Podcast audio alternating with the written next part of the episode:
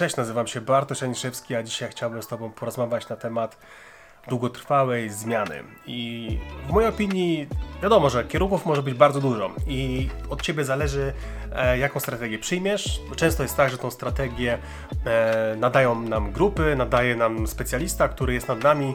E, idziesz do dietetyka, masz odpowiednią rozpiskę. Ta rozpiska może być dwukierunkowo przeprowadzona, nawet i jest więcej kierunków, bo może być może niższa podaż węglowodanów, większa tłuszczu, odwrotnie, może być tak, że będzie to jakiś konkretny rodzaj mm, diety, jakaś konkretna modyfikacja, może być to konkretny styl żywienia, może być to e, dieta, która polega na eliminacji mięsa, dieta, która polega na eliminacji e, produktów wysoce przetworzonych, może być to dieta sokowa, zupy, różnie, naprawdę różnie i założę się, że chociaż przez chwilę przeszło przez myśl tobie lub twoim znajomym przejść na jakiś konkretny model żywieniowy, albo po prostu byłaś lub byłeś na konkretnym modelu żywieniowym.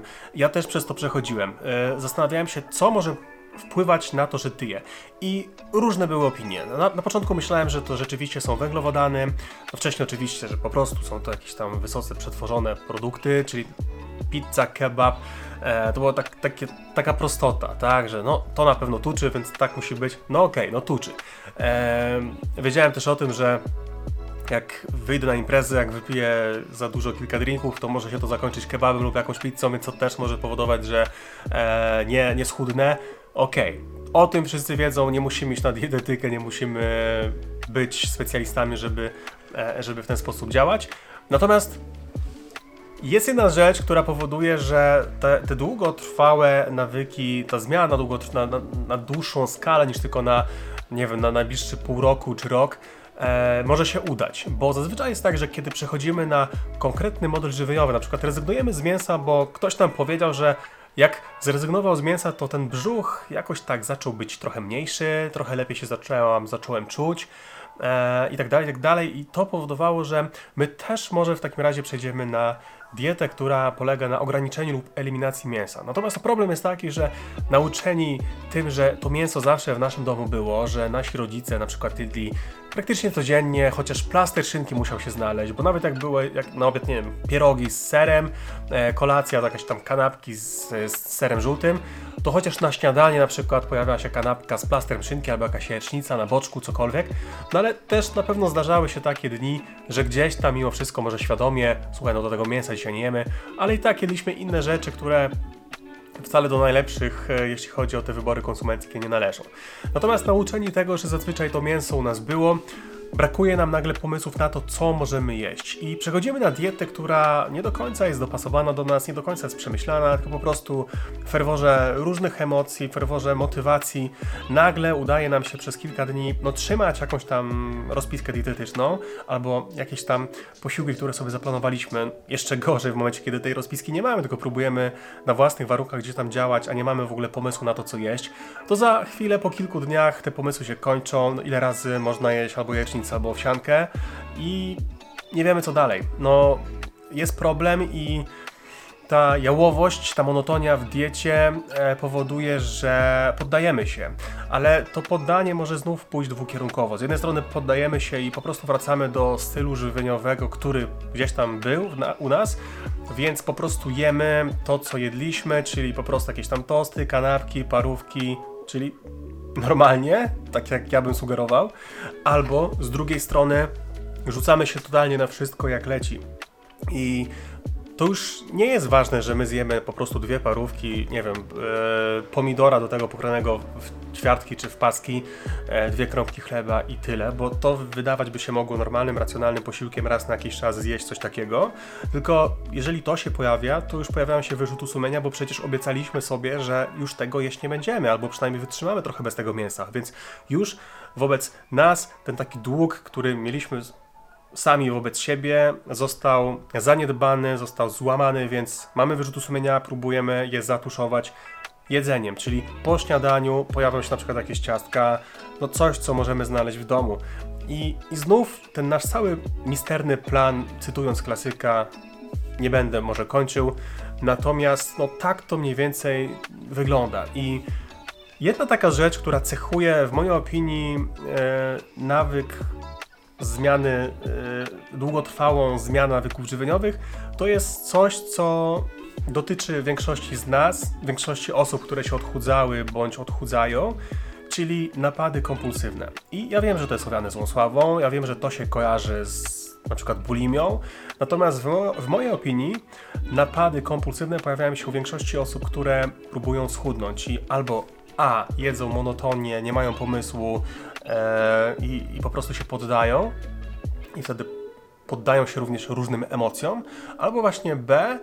Y, są emocje nieprzepracowane, nie potrafią nimi zarządzać, nie potrafią poradzić sobie z emocjami i również mogą sięgać w ten sposób e, po jedzenie, ponieważ są tak nauczeni.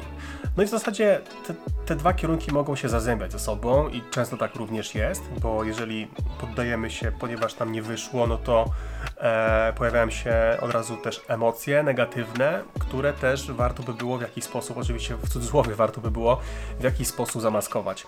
No i to jest błędne koło, błędny mechanizm, w którym większość z nas jest. I to, co ja Tobie rekomenduję, to przede wszystkim zrozumienie, że na dłuższą metę jesteś w stanie wytrzymać na takim jadłospisie, który jest dla Ciebie odpowiedni, czyli po prostu taki, w którym znajdą się nie tylko warzywa, nie tylko owoce, nie tylko produkty pełnoziarniste, jeśli to wszystko Ci służy, bo na przykład ja jestem osobą, która po pełnoziarnistych produktach po prostu nie do końca dobrze się czuje z punktu widzenia mojego brzucha. Natomiast też nabiał, jeżeli to Ci służy, e,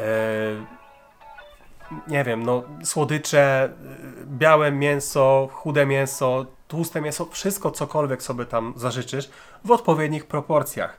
I oczywiście to może wydawać się dla ciebie w, ten, w tym momencie banalnym. No, że no dobra, no Ameryki to ty nie odkryłeś tym, że dieta, która służyć mi ma na lata, ma być dopasowana do mnie. No ale czy rzeczywiście ty jesteś na takiej diecie, czy nie zamierzasz przypadkiem znów po pewnym czasie, kiedy ci idzie, ale nagle jest zastój, no jednak stwierdzić, mm, kurde, no może to przyspieszę, no wakacje coraz bliżej, więc może to jednak przyspieszę i tym razem spróbuję. No co mi szkodzi? No może trochę się przemęczę, wiem, że będę jeść za mało, ale dobra, no do, do wakacji, do wyjazdu później kończę i przychodzę na normalne, mądre żywienie. No tak może nie być i Dlaczego na dłuższą metę nie jesteś w stanie trzymać się właśnie tych nawyków, jakie sobie teraz kreujesz? Dlaczego nie, nie może być tak, że rzeczywiście na dłuższą metę jesteś w stanie wytrzymać właśnie na takim jadłospisie, jaki sobie na początku ustaliłaś bądź ustaliłeś? Czyli w mojej opinii najważniejsze, co możesz zrobić dla siebie i najlepsze zarazem, co możesz zrobić dla siebie, to przede wszystkim zrozumieć, że w momencie, kiedy będziesz przechodzić na różnego rodzaju modyfikacje, to może się skończyć tak jak zawsze. Czyli jeden z moich ulubionych cytatów, szaleństwem będzie robić wciąż to samo, oczekiwać różnych rezultatów. Jeżeli do tej pory wszystkie Twoje próby odchudzania kończyły się fiaskiem, no to czas coś zmienić. I wydaje mi się, że najlepszą odpowiedzią na to, co zmienić, będzie zrozumienie, że skoro nieudolne próby modyfikacji diety, y, próbowanie różnych skrajności nie działa, to znaczy, że cholera po prostu na mnie to nie działa. I należy się trzymać normalnej żywności, w sensie normalnego jadłospisu, który zawiera w sobie nie tylko produkty owiane dobrą sławą, ale również owiane tą gorszą sławą. Natomiast no, zalecałbym również nie dzielenie tego na dobrą i e, złą sferę. Więc podsumowując, uważam, że najlepszą rzeczą, jaką możesz zrobić, to wyeliminować na dłuższą metę Twoje kompulsywne napady. Wiadomo, że łatwo mówić, ale z drugiej strony zacznij analizować co powoduje, że te kompulsywne napady u ciebie mogą się pojawić. Może jest to właśnie kwestia emocji, a może jest to kwestia niepoprawnej diety, a może jest to kwestia tego, że jesz regularnie, nieregularnie, a może kwestia tego, że jakieś inne potrzeby próbujesz rekompensować sobie jedzeniem. Jest tego mnóstwo. Ty znasz siebie najlepiej i ty jesteś w stanie odpowiedzieć na te wszystkie pytania, które przed chwilą padły. Więc trzymam za ciebie mocno kciuki. Pamiętaj o tym, że trwa przedsprzedaż mojego kursu Jak przestać obiadać się słodyczami. Bądźmy w kontakcie. Hej!